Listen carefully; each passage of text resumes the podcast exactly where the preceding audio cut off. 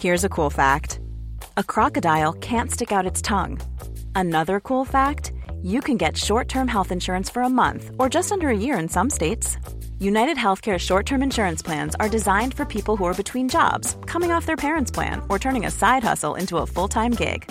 Underwritten by Golden Rule Insurance Company, they offer flexible, budget friendly coverage with access to a nationwide network of doctors and hospitals. Get more cool facts about United Healthcare short term plans at uh1.com.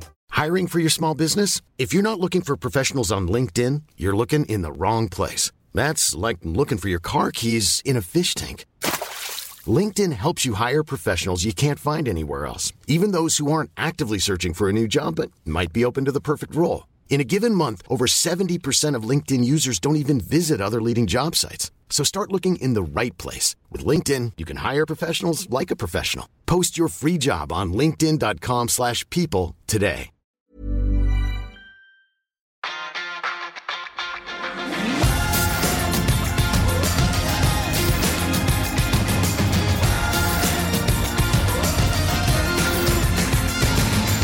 Can't believe it. Football, by the hell. Oi, oi, oi! En Champions League-plass kan faktisk skimtes i det fjerne. Den er innen rekkevidde. Manchester United vinner seint, og de bryter en forbannelse. Det må kunne kalles en god dag i Birmingham for Fredrik Filtvedt. For første gang Det er jo helt sykt å melde. Det er det faktisk. Under Erik den Haag så slår Manchester United et topp ni-lag på bortebane. Ja, skal vi ta rekka, Jon Martin? Ja. Eh, Brentford tap, City tap, Aston Villa tap, Arsenal, Liverpool, Newcastle tap, uavgjort mot Tottenham, tap mot Brighton, tap mot Tottenham, tap mot Arsenal, tap mot Newcastle, uavgjort mot Liverpool, tap mot Westham, og seier mot Aston Villa. fanfare. Og det er eh, Nei, det er eh, Og det er jo helt elleville tall, bare så det er sagt. Og det er jo helt sjokkerende at, eh, at det har blitt sånn som det har blitt. Men med forutsetninger og uh, the backdrop, så er jo dette en milepæl for Manchester United, hvor de opplever noe de ikke har opplevd på aldri det. Ja, absolutt. Selvfølgelig. Det er eh, Tenk hvor viktig den bekreftelsen er for Erik Den Haag og for United-spillerne, og ikke minst oss supportere. At de er kapable til å slå et topplag borte. Og vi kan snakke mye om prestasjon, og det skal vi også. Men til syvende og sist så er det eneste som betyr noe, at United vinner mot et topplag borte. Får de tre poengene og melder seg inn i Champions League-kampen igjen.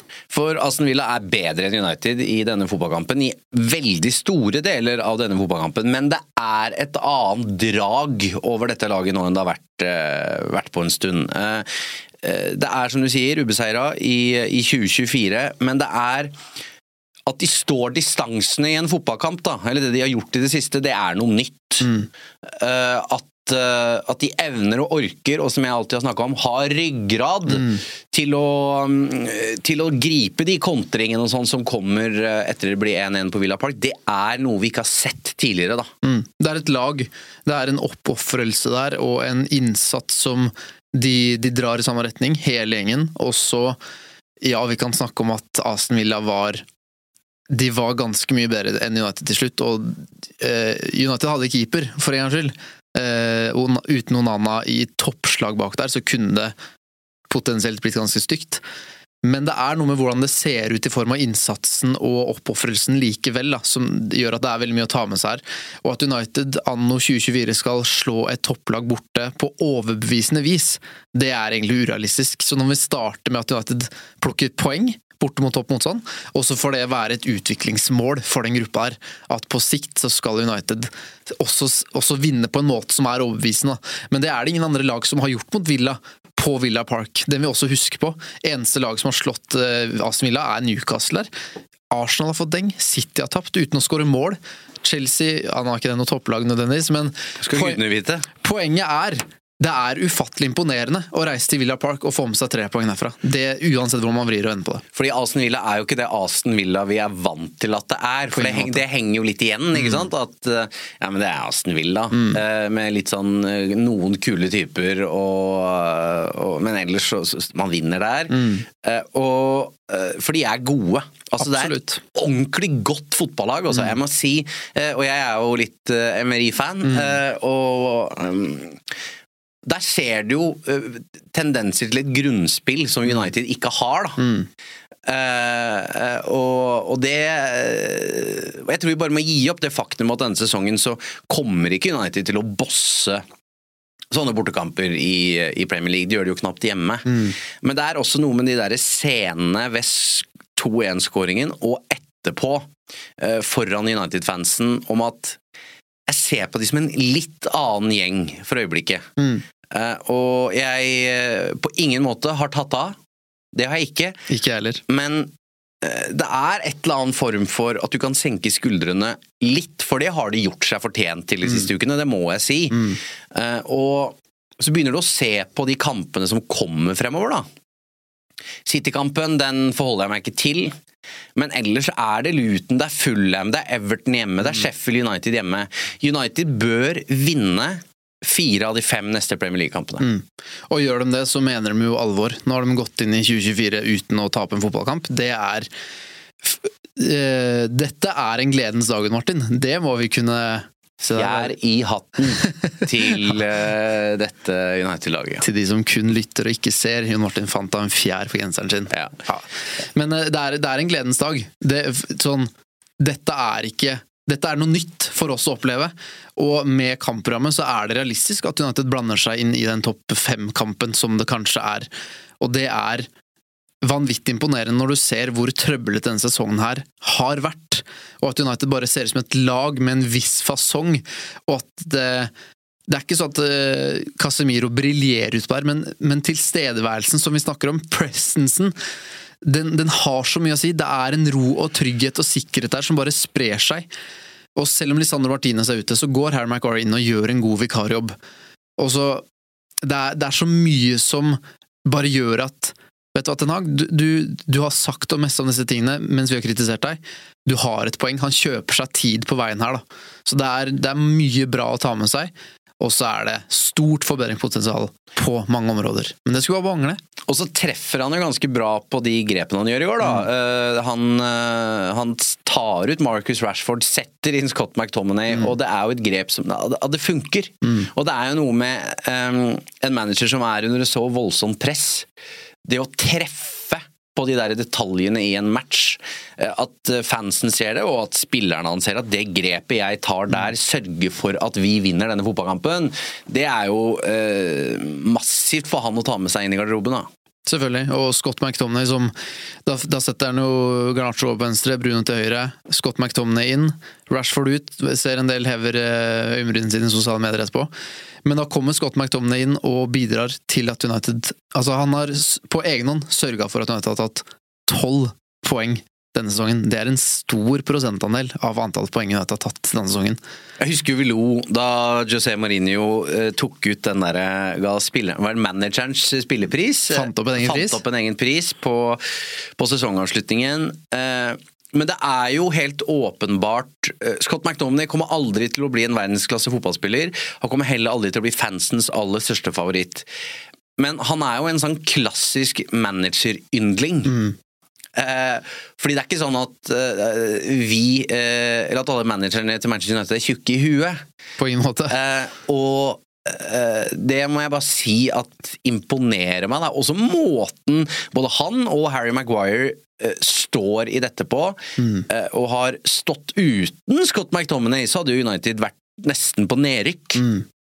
Ja, men hvor, hvor henter han det fra? Vi har hørt at han har hatt det tøft på privaten utenfor fotballbanen. At han har syntes at det har vært ordentlig tøft å vite at han egentlig er til overs i Manchester United. At, det er, at Den Haag har sagt at du, jeg trenger deg egentlig her, du er, du er til salgs. Og så har han spilt den rollen han har hatt denne sesongen her, uten å ha noe Har ikke vært i noe elver på en stund.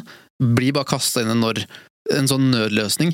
Men for en joker han er, og for et år han har hatt på fotballen for Skottland og United, eller i hvert fall siste halvåret. Så det er eh, det er også uh, Andy Mitten, vi skal dit etterpå, uh, har snakka litt med Ole Gunnar Solskjær på vegne av supportklubben, og der sier også Solskjær noe om McTominay at han visste alt hva han fikk. Og det er en managers drøm. Hvis du lurer på om spilleren din møter opp på jobb i dag eller ikke, så er det et mareritt. Og han trekker fram Scott McTominay som en av de som du alltid vet hva du får av. Og det er jo nettopp det at Vi vet ikke at du alltid får skåringer, men du vet at den Du vet hvilken pakke han bidrar med, da, og at han også har den X-faktoren der i bånn. Så når vi skal snakke om skal vi beholde den, skal vi selge den osv., jeg tror den er veldig viktig i en United-garderobe. Bra teaser du driver med her nå. Den kommer seinere med litt eksklusivt innhold fra Ole Gunnar Solskjær. Det er ikke verdt. Eivind er ikke her i dag, så du er teknisk ansvarlig, og nå vil jeg teste deg litt med en jingle. When the seagulls follow the trawler, it's because they think sardines will be thrown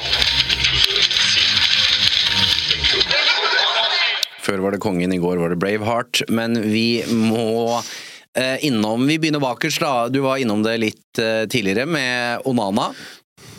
Bunnsolid. Det, altså han, han vartner opp med noen der som er mektig imponerende. Jeg, jeg må si at jeg syns skuddstoppestilen hans, altså ren redningsteknisk, så, så ser det så rart ut ofte. Støtt meg. Støtter den. Ja. Altså, det er et eller annet som Ja, ja. altså, det, ser ikke ut, det, blir aldri en helt vanlig redning. Uortodoks, Ja, vil jeg kalle den stilen der. Eh, Men eh, hvis vi starter med på en måte alle redningene han gjør, da, som er eh, Mange av dem er enorme, noen av de er eh, heldige, og andre er svake hvileavslutninger. Men hvis vi ser på resten av det, for det jeg har savna med eh, da De Gea var der Dette var jo ting De Gea gjorde, en typisk De Gea-kamp. Men det jeg maste om, var en som var trygg med beina. Det bidro han med i går. En som dominerte i feltet. Det gjorde han i går. En som også var ute og svipa utenfor 16-meteren, eller plukka baller som kom tidlig inn i 16. Det gjorde han også. Så i går fikk jeg se hele Onana-pakka, og den elska jeg. Mm. Men endelig, der fikk vi se hva som bor i den United-keeperen her. Og så må han gjenta dette her, da. Han kan ikke nå gjøre tabber i neste match, for han har vært altfor ustabil. Men det i går, høy, høy klasse. Og vi har jo vært innom det også tidligere, at det å komme inn i et lag som ikke fungerer, det, er, det er krevende, altså. Eh, og det ser jo unektelig bedre ut foran han også. Altså, Det er jo en bedre defensiv unit nå enn det har vært tidligere. Eh, Så all mulig ære til han. Eh, og så veit vi at han kan slippe to mellom beina borte mot Luton. Eh, så en ny en sånn er jo det egentlig alt vi ber om. Mm. men det jeg satt og tenkte i går, er jo at når Luke Shaw går ut igjen, eh, så er det et eller annet i meg som sier at dette her går ikke. Eh, og så ser du Dalot gjør det veldig bra på høyrebekken. Mange, meg inkludert, har vært innom at United trenger en klasse høyrebekk. Men spørsmålet er er det egentlig en venstrebekk av godt kaliber denne klubben trenger. For du ser eh, med en gang hvor mye dårligere Marcus Rashford blir eh, når eh, Luke Shaw er ute. Det er én situasjon der i andre omgang hvor det er akkurat som at Rashford har glemt at Luke Shaw er ute, for han står liksom og venter, og så kommer det ingen. Men Victor Lindeløf kommer ikke sånn eh, når han er, eh, når han er venstreback. Og det der er bekymringsfullt også, for vi veit at Luke Shaw er toppklasse. United blir så ufattelig mye bedre med han. Men si, nå sies det jo at det er precaution, at dette her ikke var uh, svære greier. Men kan ikke holde på å ha en venstreback som nesten ikke spiller. Kan ikke det. Og dette er jo Luke Shaw sin karriere oppsummert. Um, hvor ufattelig viktig han er, hvor gode bidrag han har når han spiller, med at han spiller altfor sjelden og er altfor skadeutsatt. Nå er det en etter hvert aldrende kropp, og jeg sier ikke at han eh, nærmer seg slutten, men han nærmer seg en alder hvor man etter hvert skal begynne å tenke neste steg. Og med de skadeutfordringene han har, så må United sørge for at de eh, står bedre rusta til å få inn en fullverdig erstatter når han blir skada. Så du ser hvordan United faller i kvalitet eh, når han går ut. Han er så viktig for frispilling for Marcus Rashford. Han er, viktig for det defensive og det offensive. han. Så hvordan trygghet han sprer også ved å bare få kula under press når United skal spille seg ut, men også hvordan han ja, hjelper Rashford med overlapp og sånne ting. Så Stakkars Lindløv som på en måte kommer inn der og skal Det er ikke det at han gjør det dårlig, men det er en utakknemlig oppgave å komme inn for Luke Shaw, og det er et kjempeproblem at Luke Shaw sliter sånne skader som han gjør. Så der må Ten Hag finne ut av hva gjør jeg, for nå har Tyrell Malasia også vært ute lenge, og han er heller ingen fullgod erstatter. Nei, så for øyeblikket har Altså, vi, si Luke Shaw er ute i, eh, i tre-fire uker, da.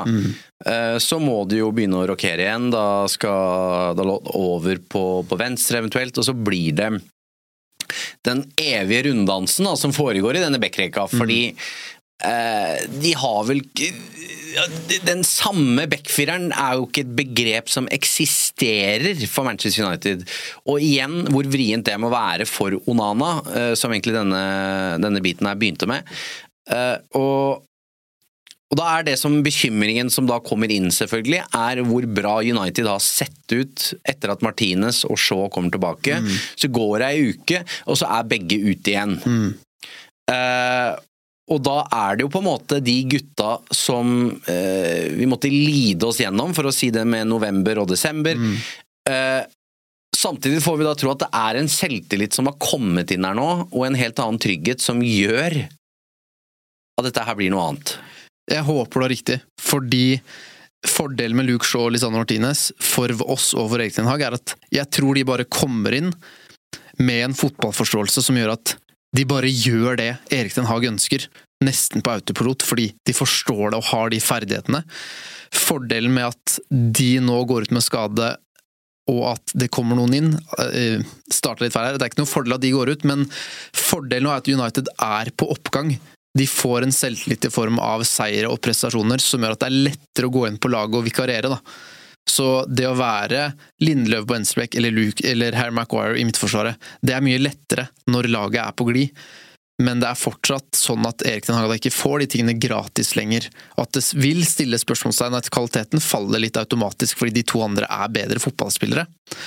Så jeg tror det er en mye bedre timing på det nå, men jeg er fortsatt usikker på hvordan det blir i det lange løp, da. Fordi kvaliteten er dårligere. Det, det, sånn er det bare, syns jeg, da. Så var det jo befriende å møte fotballag som heller ikke er nevneverdig gode på dødball. Fordi Aston Villa er jo blant de verste i klassen, de òg. Eh, og den 1-0-skåringen til United, der er Harry Maguire meget bra. Eh, og så er det en danske, da. eh, som, som begynner å se ut som en akkurat en sånn spiss som Manchester United vil og trenger. Mm. Ja, det er imponerende. Hvor mye tyn og hvor bekymra jeg selv også var på et tidspunkt, og nå skårer han med, største, med største selvfølge. Og han eh, virker som han har full kontroll på at den ikke skal varesjekkes, og at det ikke er noe offside heller, i motsetning til meg. Så eh, det er noe med han eh, som bare Han er fet, ass. Han er dritkul. Ja, han er bra, ass. Og tar den fighten når han skal byttes ut og provosere litt. Han Nei, er, jeg er skikkelig imponert, fordi nå, nå står han der og setter den mellom beina på Martinez med største selvfølgelighet. Det er en selvtillit og arroganse som man som United-fan bare elsker, og som ikke går på bekostning av noe innsats eller noe energi. Nei, det er Han er fet, altså. Han er det. Eh, og Ten Hag har jo omsider liksom funnet ut av sin treer, da. Eh, og eh, det er også en befrielse oppi dette her. At eh, nå er det de, disse tre. Det er Garnaccio, det er eh, Høylund og det er Rashford som utgjør angrepstrioen til, til Manchester United. Som gir forutsigbarhet. Vært innom det mange ganger. Det er ikke mange matcher nå. Altså nå er de, Det er ikke noe i midtuka. Det er, eh, det er Luton som venter eh, borte på søndag. og Frem til det så kan de drille, de kan trene, de kan, de kan terpe. Antony er jo iskald. Eh, det blir spennende å se så frem de, tre, bank i bordet, holder, seg, holder seg friske, så tror jeg ikke vi kommer til å se Antony veldig mye mer denne sesongen. Det er bare når det kniper. Eh, og og det, ja, det gleder meg, da. Ikke at Antony er ute, eh, men at eh, Forutsigbarhet. forutsigbarheten er der. Og du ser, jeg så Eivind var på Twitter, og jeg er enig i det, eh, at når Garnaccio-guttebassen får på seg litt muskler han eh, bør ta en Cristiano Ronaldo-repeat mm. og, og løfte litt i gymmen. Så kommer han til å Når han blir, får litt mer å gå inn i disse duellene med, eh, med kropp, eh, skulder mot skulder og sånne ting, det kommer til å bli knallbra. Og så er han såpass Før han drar til Real Madrid. Ja, det er, noe, det er noe med det. Vi får nyte den mens vi har den, tror jeg. Men det er noe med det at eh, vi også må Alle de Kall det umodne valgene han gjør, da. De tingene han skusler bort, eller der han blir for egoistisk, som også er Sånne ting provoserer meg, skjønner du. Den derre manglende lagspilleren. Men vi må sette på kontoen for uerfaren og ungt pågangsmot. Ja, 19 Det er-. Det er sånn det skal være i den alderen her, og så må det avta med tiden. da. At du klarer å vurdere når skal jeg gå sjøl og når skal jeg spille. Det er han ikke god nok til ennå, men det skulle bare mangle fordi han er 19 år. Han er et uromoment og en X-faktor som den, jeg, jeg blir hver kamp imponert over hvor god venstrefot han har. Det at han ikke har spilt høyrekant tidligere, er, det blir bare større og større spørsmålstegn. Det er ufattelig å tenke på akkurat nå.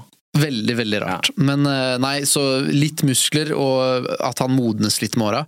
Tenk hvilken spiller United har der før eh, Real Madrid kommer bankende på døra. Og så eh, må vi ta matchvinnerskåringen. Vi har snakka om Scott McTominay og headingen og timingen og alt. Men det skjer noe i forkant også av det målet, hvor det er en gutt, eh, en annen gutt, som har en eller annen teknisk detalj der, eh, før Dalot fikser biffen. Ja, Kobe Maino. Ja. Wow. Og han gjorde dette hele matchen. Ja. I alle sånne trange dueller, krevende situasjoner hvor så bare løsne med en eller annen sånn teknisk vakker detalj. Og så da han gikk bak målet der, hvor han på en måte får en eller annen melding fra noen Villa-fans, eller et eller annet sånt, men han bare gliser. Nei, det er deilig. Ja, han er, eh, er Han tar ikke nødvendigvis så stor plass alltid, men han gjør så mye fornuftig. Og så er det en gang der at du ser at også han er ung. Det er når han uh, skaper den kontringa imot når han skal legge det innlegget.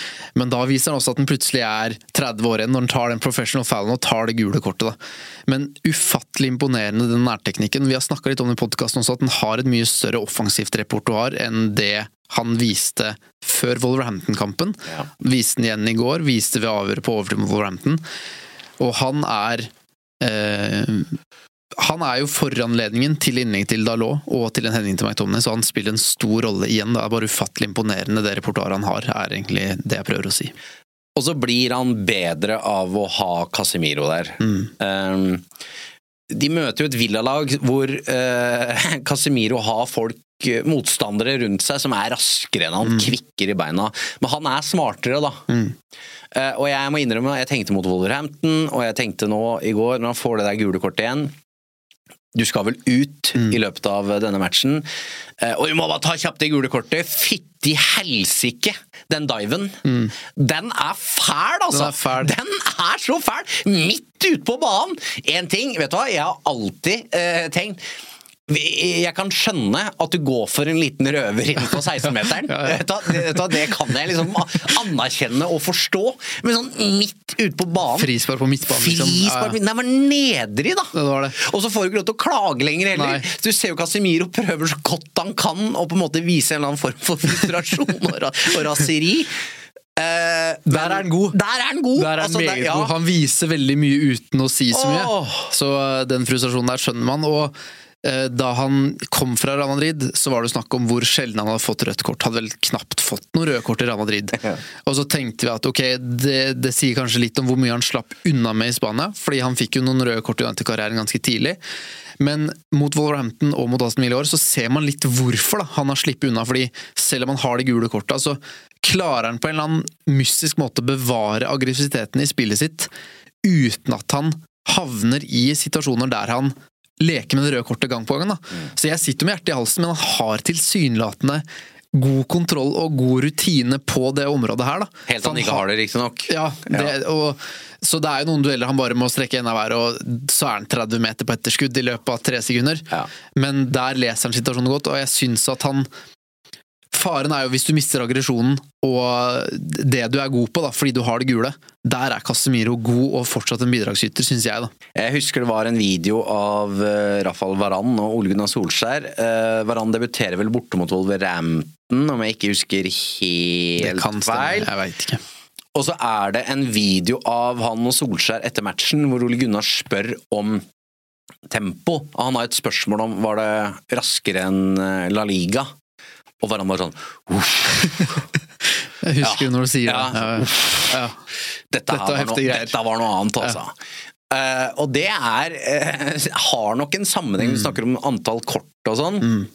Du kommer Det, det, det derre tempoet i Premier League som venter deg, det er nok et eh, sjokk. Mm. Uh, ordet temposjokk kommer fra et sted, og det tror jeg dukka opp fra folk som Mm. kom fra Serie A og La Liga til Premier League, fordi det går så fort.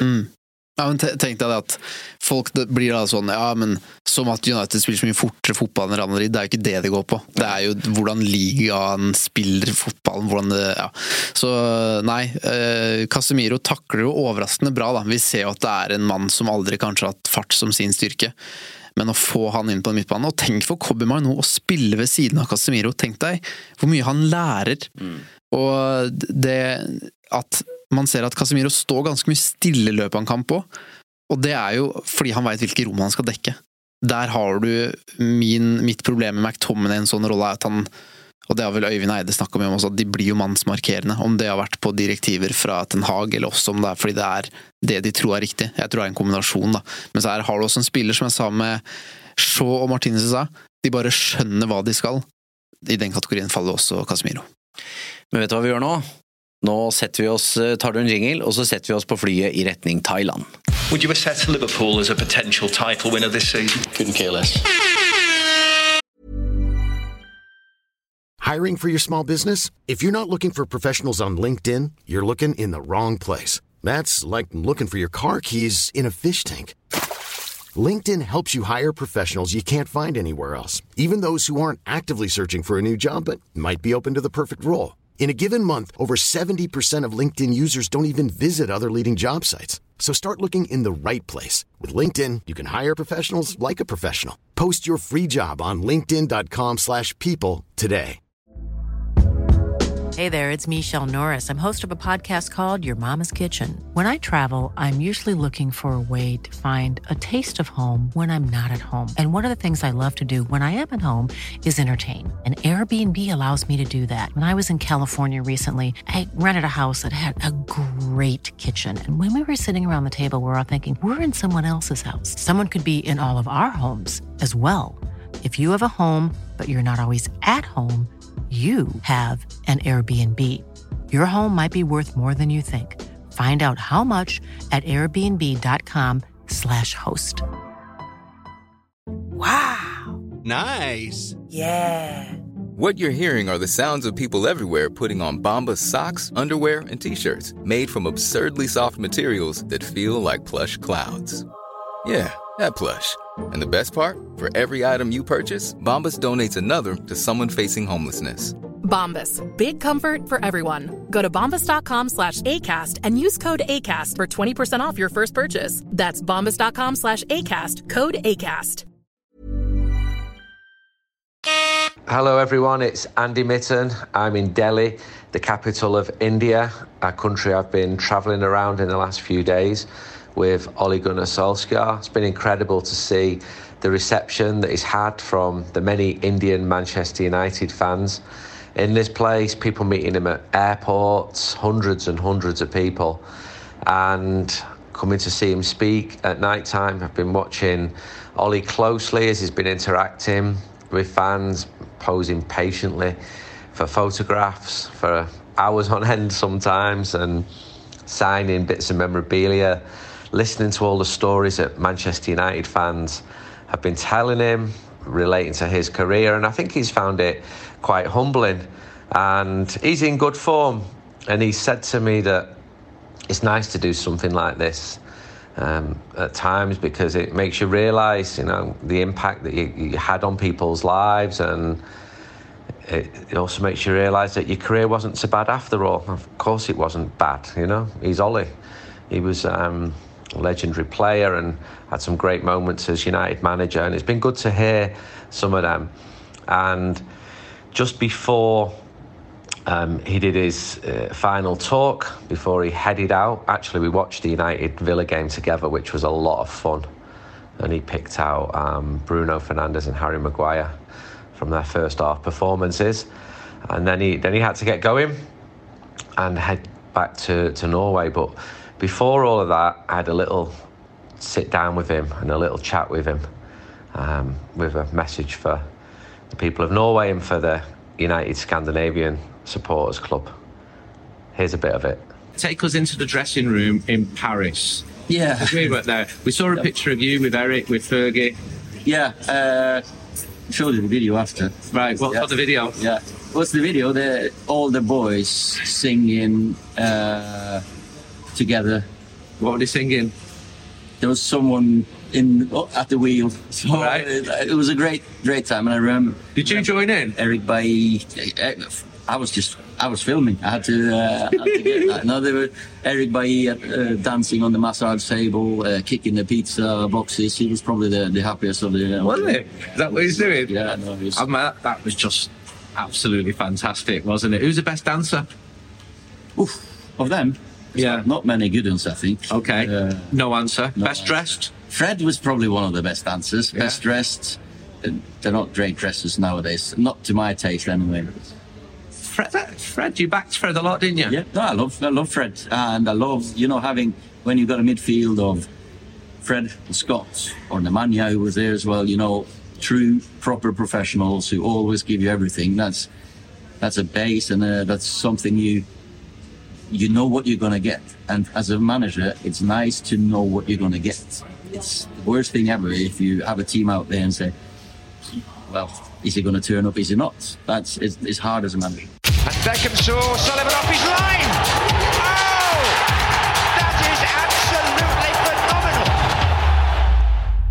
Strålende levering fra Andy Mitten og alt det der. Eh, leveranser har vi vel også fått i vår innboks, Fredrik. Er det, er det noen spørsmål fra våre aldeles utmerkede lyttere? Det er det, vet du. Vi kan jo begynne med et fra David, som lurer på hva er Uniteds beste stopperkonstellasjon når Martinez er skada?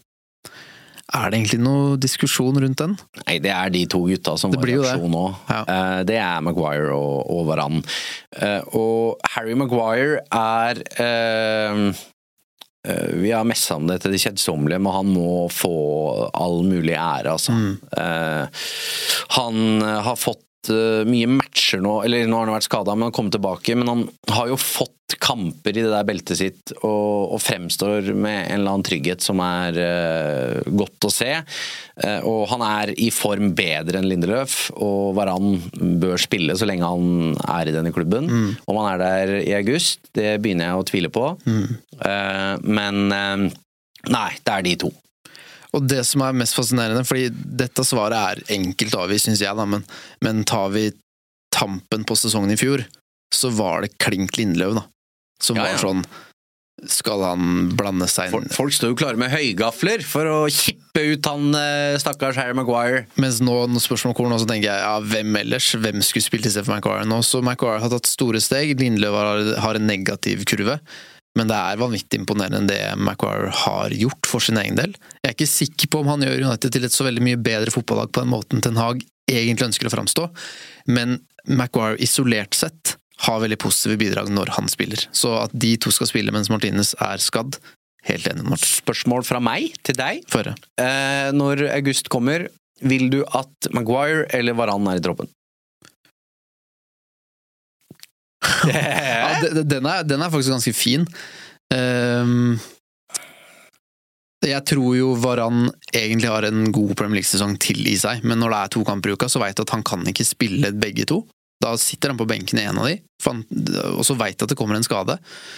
Så hvordan man skal bygge en tropp, da Nå prøver jeg ikke å komme med et politikersvar her. Du er i ferd med, ja, Ja. med å komme med et politikersvar. Ja, eh, rent ferdighetsmessig så ville jeg beholdt Varan, men med tanke på at Maguire stort sett er tilgjengelig Nå er det litt dårlig timing på det svaret der, fordi han akkurat er ute med en skade.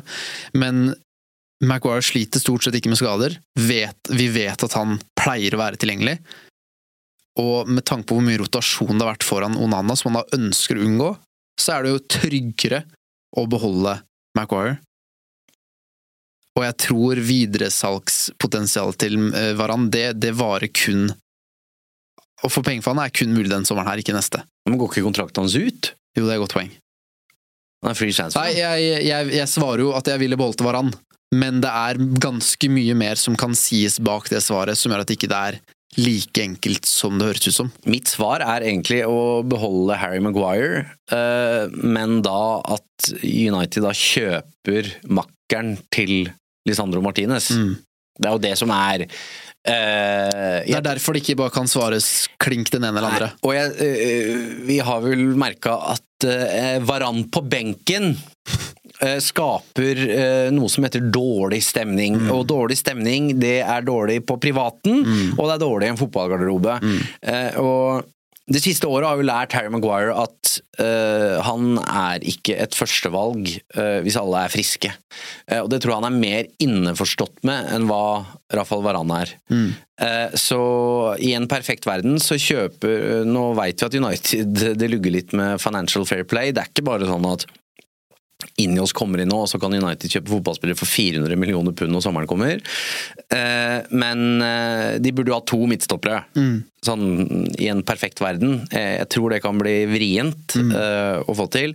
Men jeg tenker Martinez med en ny makker når seriestarten kommer, det er det perfekte. Mm. Med Maguire i troppen, og Varan til Saudi-Arabia. Og det kan fort skje, det. Ja. Men ja. Nei, for jeg, jeg øh, vi, vi, Hver gang vi roser Maguire, det skal sies, så er det noen øh, hissige folk i innboksen som er dere helt idioter. Ja, idioter er vi. Eh, det, det, det er helt korrekt. Ja. men selvfølgelig rangerer jeg Varan foran Maguire, som jeg sa. Jeg, tror vi har svart greit på det. Ja, vi har det. Vi har det. Neste. Eh, Oliver spør burde McTominay spille mer. Hva syns du, Martin? Nei. Jeg, jeg, jeg syns øh, rollen til Scott McTominay nå fremstår veldig riktig. Eh, og han har en X-faktor når han kommer inn, i større grad enn eh, ifra start. Litt vanskeligere å få tak på rollen hans eh, fra start. Jeg tror faktisk han har litt trøbbel med sjæl òg. Jeg tror han liker bedre det kaospreget som er mot slutten av en fotballkamp. Han har, han har friske bein, meget god til å posisjonere seg i den boksen. Eh, Så han bør ikke spille mer. Scott McTominay, Det er et svakhetstegn i de periodene Scott McTominay er i en United-elver. Og så er jo spørsmålet er han interessert i denne rollen på sikt. Det er jo ikke sikkert. Eh, Men eh, jeg syns Ten Hag, eh, med de han har til rådighet i midtbaneleddet nå, så skal ikke Scott McTominay spille mer. Har ingenting å tilføye. Et, det er et svar jeg stiller meg fullt og helt bak, Jon Martin. Ole, hvor mye skryt skal Erik Ten Hag ha? Virker som han har jobbet på feltet med en god del ting. Hva syns du? Det er litt todelt. Ja, altså da, Det var som du var innom, at han har hatt rett i det han har sagt i at jeg trenger eh, friske spillere for å få det til. Jeg syns fortsatt det mangler en del på fasong og eh, liksom spillestil, altså hvordan eh, Manchester United skal fremstå både offensivt og defensivt. Den manglende evnen til å på en måte styre fotballkamper. Eh, men man skal ikke underspille at han nå er i ferd med å grave United ut av et vanvittig dypt, mørkt hull. Eh, og uh, det skal han ha kjempekred for. Hvis Erik Den Haag, og det har vi sagt her lenge Det er ikke sånn at vi har ønska han ut, men vi har vært innom det der kjedsommelige, disse dynamikkene som dreper deg da, eh, som manager i, i en klubb som United. Det er at presset blir så stort at du bukker under, at du er ferdig. Omgivelsene kapper av huet på deg, og du, og du må ut. Um, og han har holdt roen hele tiden. Det skal han ha. Eh, og han har fortsatt roen nå, etter, at, uh, etter at United har hatt en, hatt en god periode. Og det skal han ha superkred for. At han på en måte har krona nakken og fortsatt. Uh, så han skal ha definitivt ros, han. Og så er spørsmålet Hele klubben trengte den Injos-biten. At, det, at det kommer inn noen som skal gjøre et eller annet med standardene. For det har jo ikke levd opp til hva Ten Hag har forventa å få i retur heller, ikke sant? Det, det, det henger jo sammen. Så nei, eh, tommel opp til det han holder på med for øyeblikket, altså. Jeg er helt enig, fordi det er Jeg tror det er vanskelig å forstå hvor krevende, eller potensielt hvor nære han har vært å være ferdig pga. mekanismene. At hadde det blitt et tap Hadde det blitt tap eller poengtap mot Villa i romjula Jeg tror at vi kan ta utrolig mange enkeltkamper bare Hadde den gått gærent, hadde den gått gærent, hadde den gått gærent, så hadde den vært ferdig. For det er, det er så lite som skal til, da. Og vi har hørt at det er mange spillere i United-garderoben som har vært usikre på, på denne sixpence-mannen. Uh, så det er ufattelig imponerende at United nå er i en situasjon hvor de er i poengmessig god form. De vinner fotballkamper, de har slutta å tape. Så hvor, hvor dypt han har grad for å få til, er veldig imponerende. Og så er det selvfølgelig viktig å si at vi skal forhåpentlig mye lenger med Ten Hag enn det han presterer nå. Og det syns jeg vi så tegn til i sesong én under Ten Hag. At Unata er ikke i nærheten av det de utvikla da. Så hvordan de skal komme seg tilbake dit For det er klart at ja, han har hatt rett i at vi vil se bedre ut med våre beste, men det er på ingen måte så at de ser perfekte og ferdigutvikla ut nå. Så han har fortsatt en stor jobb å gjøre. Men vanvittig imponerende. Husk at Dag Langerød var på Newcastle-matchen god tid før, før jul og sa 'nå har jeg gitt opp, jeg, gutter'. Ja.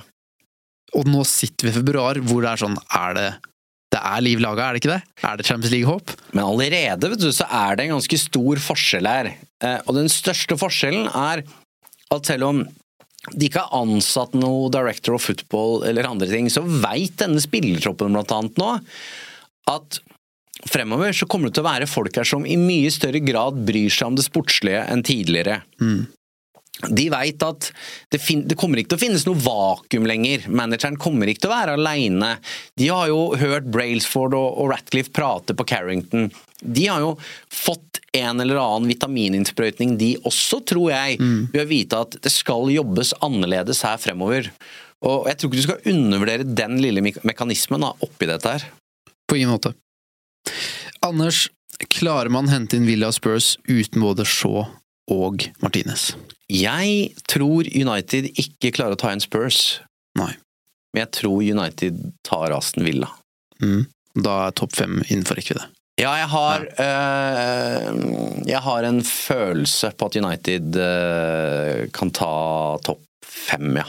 Mm. Var det jeg jeg hørte på Sky Sports i går, er det 77% sjanse for at femteplassen i Champions League.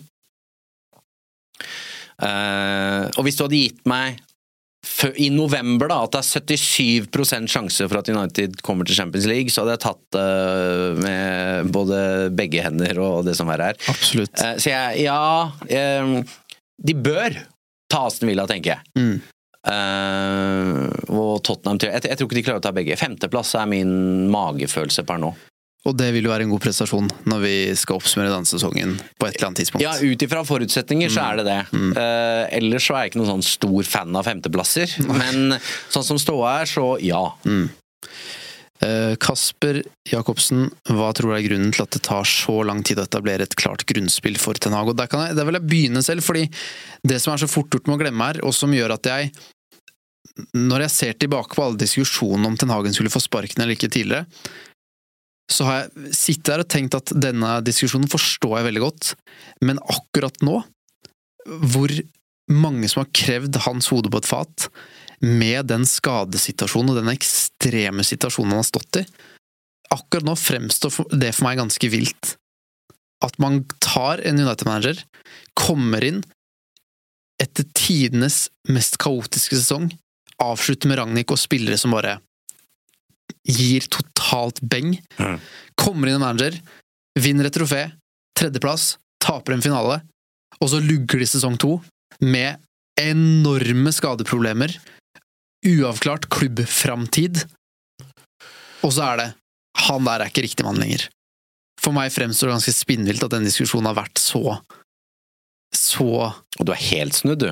Nei, for jeg, jeg, det er mange ting med Ten Hag som jeg også Jeg jeg er ikke trygg på at dette bare blir bra, og at han er helt riktig mann, men hvor utålmodig man har vært, og ikke har klart å hele tiden skjønne at vi må se på sesong én for å vurdere sesong to, og vi må ta med skadeproblematikken inn i diskusjonen. Så for meg har det vært helt sånn, vi må inn sesong to, det har jeg sagt hele tiden. Og jo mer jeg tenker over det, så syns jeg det er rart, da, hvor fort det blir at vi skal sparke den. Så, så svaret Det jeg prøver å litt si til Kasper sitt spørsmål, er jo at jeg syns det tar for lang tid for Ten Hag å utvikle et grunnspill med United. Der ser vi at Unna Emery, med fotballspillere som på papiret skal være dårligere enn United sine, de klarer det. Jeg har sagt at Brighton også har fått det til, og nå har det gått ganske dårlig med Brighton en god stund, men det er noe preg over det andre managere gjør med sine lag, som er så tydelige, da. De lykkes ikke alltid med dem, det er en tydelig plan. Den savner jeg hos United, og jeg syns ikke det er grunnen at siden det er så mange skader, så ser vi helt annerledes ut enn det jeg ønsker. Men det er så mange forklaringer på hvorfor det har blitt sånn, og skadesituasjonen er jo en av de. Manglende selvtillit er noe annet. Spillere som sliter med ditt og datt. Det er mange gode grunner her, og så er Ten Hag en del av skylden i dette. Utvilsomt. Men vi- du med her? Ja da, men vi hadde jo også, da vi hadde livepod på Karlsherr mm. for en tid tilbake, så hadde vi jo spørsmål i salen med uh, Ten Hag gay or nay. Og støtten hans er jo fortsatt unison. Var det 80% Tror det var så mye som 84. Ja, eh, og det syns jeg var sånn wow. Jeg var, eh, og ikke at jeg mener at Erik Ten Hag skal få sparken, men jeg syns det var sjokkerende høyt. Mm. Jeg trodde vi skulle, at vi skulle se på mer 50-50-tall, faktisk. Eh, og det eh, Ja, jeg vet ikke hvor jeg ville med dette, men det eh, gjorde meg litt sånn Ok, det er en tålmodighet her som er ganske voldsom, da. Men det kommer helt an, med hvem, det kommer helt an på hvem vi prater med. Scroller man Twitter, så er, føler jeg at det er 90-10. 90 vil ha Ten Hag ut. Snakker vi med lytterne, så tror jeg det er 90 som vil beholde Ten Hag. Snakker vi med kompiser, så er det sånn ah, Dette går ikke. Dette går ikke. Men jeg har mest mye om disse å ha et eller annet å knagge dette håpet på. ikke sant? Det er jo det vi, Da vi snakka sammen lille julaften eh, etter Westham, så var det sånn dette, Jeg ser ikke helt hvor håpet fins. Altså hvor Hva er det som skjer akkurat nå som gjør at Jo, men det blir bra når. Uh, den så jeg ikke da. Uh, og jeg sa ikke at han måtte skulle få sparken, men jeg, jeg, jeg sa vel noe sånt som at jeg, jeg, jeg skjønner ikke helt hvordan dette skal løse seg. Og Forskjellen synes jeg da er de som mener at Ten Hag var ubrukelig og måtte ut. Det er det jeg reagerer på. fordi Hvis du på en måte leser at vet du hva, nå tror jeg det er så mange mekanismer inne i bildet her som gjør at han er ferdig. Dette klarer han ikke å snu fordi sånn og sånn. Det er det jeg har frykta hele veien. Men jeg har ikke tenkt at han plutselig er helt udugelig. At jeg stiller store spørsmålstegn ved mange av valgene han tar. Hvorfor ser ikke United sånn ut? Hvorfor har det ikke kommet lenger enn dette? Det lurer jeg altså på. Men jeg tror på ingen måte at Ten Hag er så udugelig som mange har har villet ta det til denne sesongen her. da. Og så trenger jeg progresjon innen sesong tre. For sesong to, den virker som både sir Jim og vi har bestemt for at det skal han få. Yes. Har du noe mer på hjertet? Nei? Lurer på om du hadde noe flere med før det? Ja. Nei, jeg har ikke det. Ehm, vi snakka vel om Dalot i stad, men Sander, um, Sander spør er han Uniteds beste spiller for øyeblikket. Jeg vet ikke om han er Uniteds beste for øyeblikket, men han er veldig solid. Eh, han uh, Jeg syns han har utvikla ting ved spillet sitt. Han fremstår bedre både offensivt og defensivt. Han, han er en mer komplett back enn han noen gang har vært. Han har fått mer uh, schwung på innleggsfoten sin også, som vi ser eh, se på scoringen, scoringen i går. Eh, fordi jeg har jo eh, ofte frustrert meg grønn av at han har kommet til så mange gode innleggsposisjoner, men så har avleveringene vært helt forferdelige. Helt riktig. Eh, der har han utvikla seg. Han har en skuddfot eh, og kan komme eh, i farlige offensive posisjoner som, som er bra. Eh, Så for øyeblikket så, så er han for meg en mye bedre Jeg hadde gått for han hver dag foran Van Bissaka. Nå skal vi vel se begge i aksjon fort, øh, mot Luton. Eh, Ja, hvis Wamizaka er frisk, da. Hvordan det står til med han. Nei, jeg er usikker. Uh, så han Ja, han imponerer meg veldig. Samme her. Jeg er fortsatt skeptisk til eh, den defensive forståelsen hans. Jeg syns jo han sliter med konsentrasjonen og posisjoneringsevne. Men det er noe med viljen, da. Hvis du først plasserer feil, så tar han det returløpet og får rydda opp likevel. Og så har han denne sesongen her, som du sa, kritisert lenge for manglende avleveringer. Men denne sesongen her har han jo vært et angrepsvåpen. Absolutt. Så han har tatt store steg, og det er noe med innsatsen, high fivesa, eh, den energien han sprer inn i gruppa, da, som jeg tror er veldig viktig, som gjør at jeg har fått veldig sans og egentlig snudd litt om han. Da. Og det sier litt om hvor fort det snur i fotball. For det er ikke så lenge siden Van Bissaka var det klink førstevalget til Ten Hag, etter at han var ute i kulden veldig lenge. Så ting snur så fort, da. Kan hende det viser seg at José Mourinho hadde rett igjen. Altså, her har jeg ordna dere vekk de neste 15 åra. Han, han blir 25 i mars, mm. så han er jo ikke gammel. Men man blir jo litt sånn eh, blind på at de har vært der en stund. Eh, Ja, for det er et seint gjennombrudd. Ja, ja, ja, absolutt. Et, sånn, det skulle, han har blitt avskrevet x antall ganger, da. Og så er det fortsatt ikke så at vi setter et eh, Nå hadde jeg og Eivind en sånn grønt lysøvelse for en tid tilbake. Og så er det ikke så at det er det grønneste lyset på, på Dalot, men det er grønnere enn det noensinne har vært, da. grønt med gulskjær, er det du, det du sier? Ja. Er det flere spørsmål? Vi er igjennom, vi, Jon Martin. Vi er igjennom, Uh, og det er fint det. Luton venter på, på søndag. Som jeg alltid sier, ekkel bortekamp. Det er jo det. Er jo det. Ja, ja, Det er for en liga vi spiller i, og manglende tillit til United. Men, men nå er det sånn helt annerledes å gå inn i en sånn kamp nå. Nå, nå har jeg troa på seier. Trenger ikke, trenger ikke nødvendigvis ta HUB på en, eh, på en tippekupong. Nei, vi får se, da, når vi møtes Ja, på mandag. Men, men nei, jeg, Formen United er i, da. De, de plukker poeng. Nå forventer jeg at United reiser til Luton og vinner. Det er det ganske lenge siden jeg var i posisjon til å forvente, da. Ja, og jeg er der nå at nå forventer jeg at uh, det er såpass momentum i, Mm. uh, i denne gjengen at uh, Luton slås, og så slås Fulham. Nottingham Forest skal til pers i, i FA-cupen. Manchester Derby det, Det som skjer, det skjer. Ja, det, den, Der budsjetterer jeg med null, uh, for å være klink Mm. ærlig. Og så er det Everton og, og Sheffield United. Uh, håpet er tent. Blir Champions League United, Kjell- Fredrik? Eh, tja Jeg sier ja, har stått opp på godfoten. Takk for at du har hørt på Uno, og så høres vi igjen om en liten stund.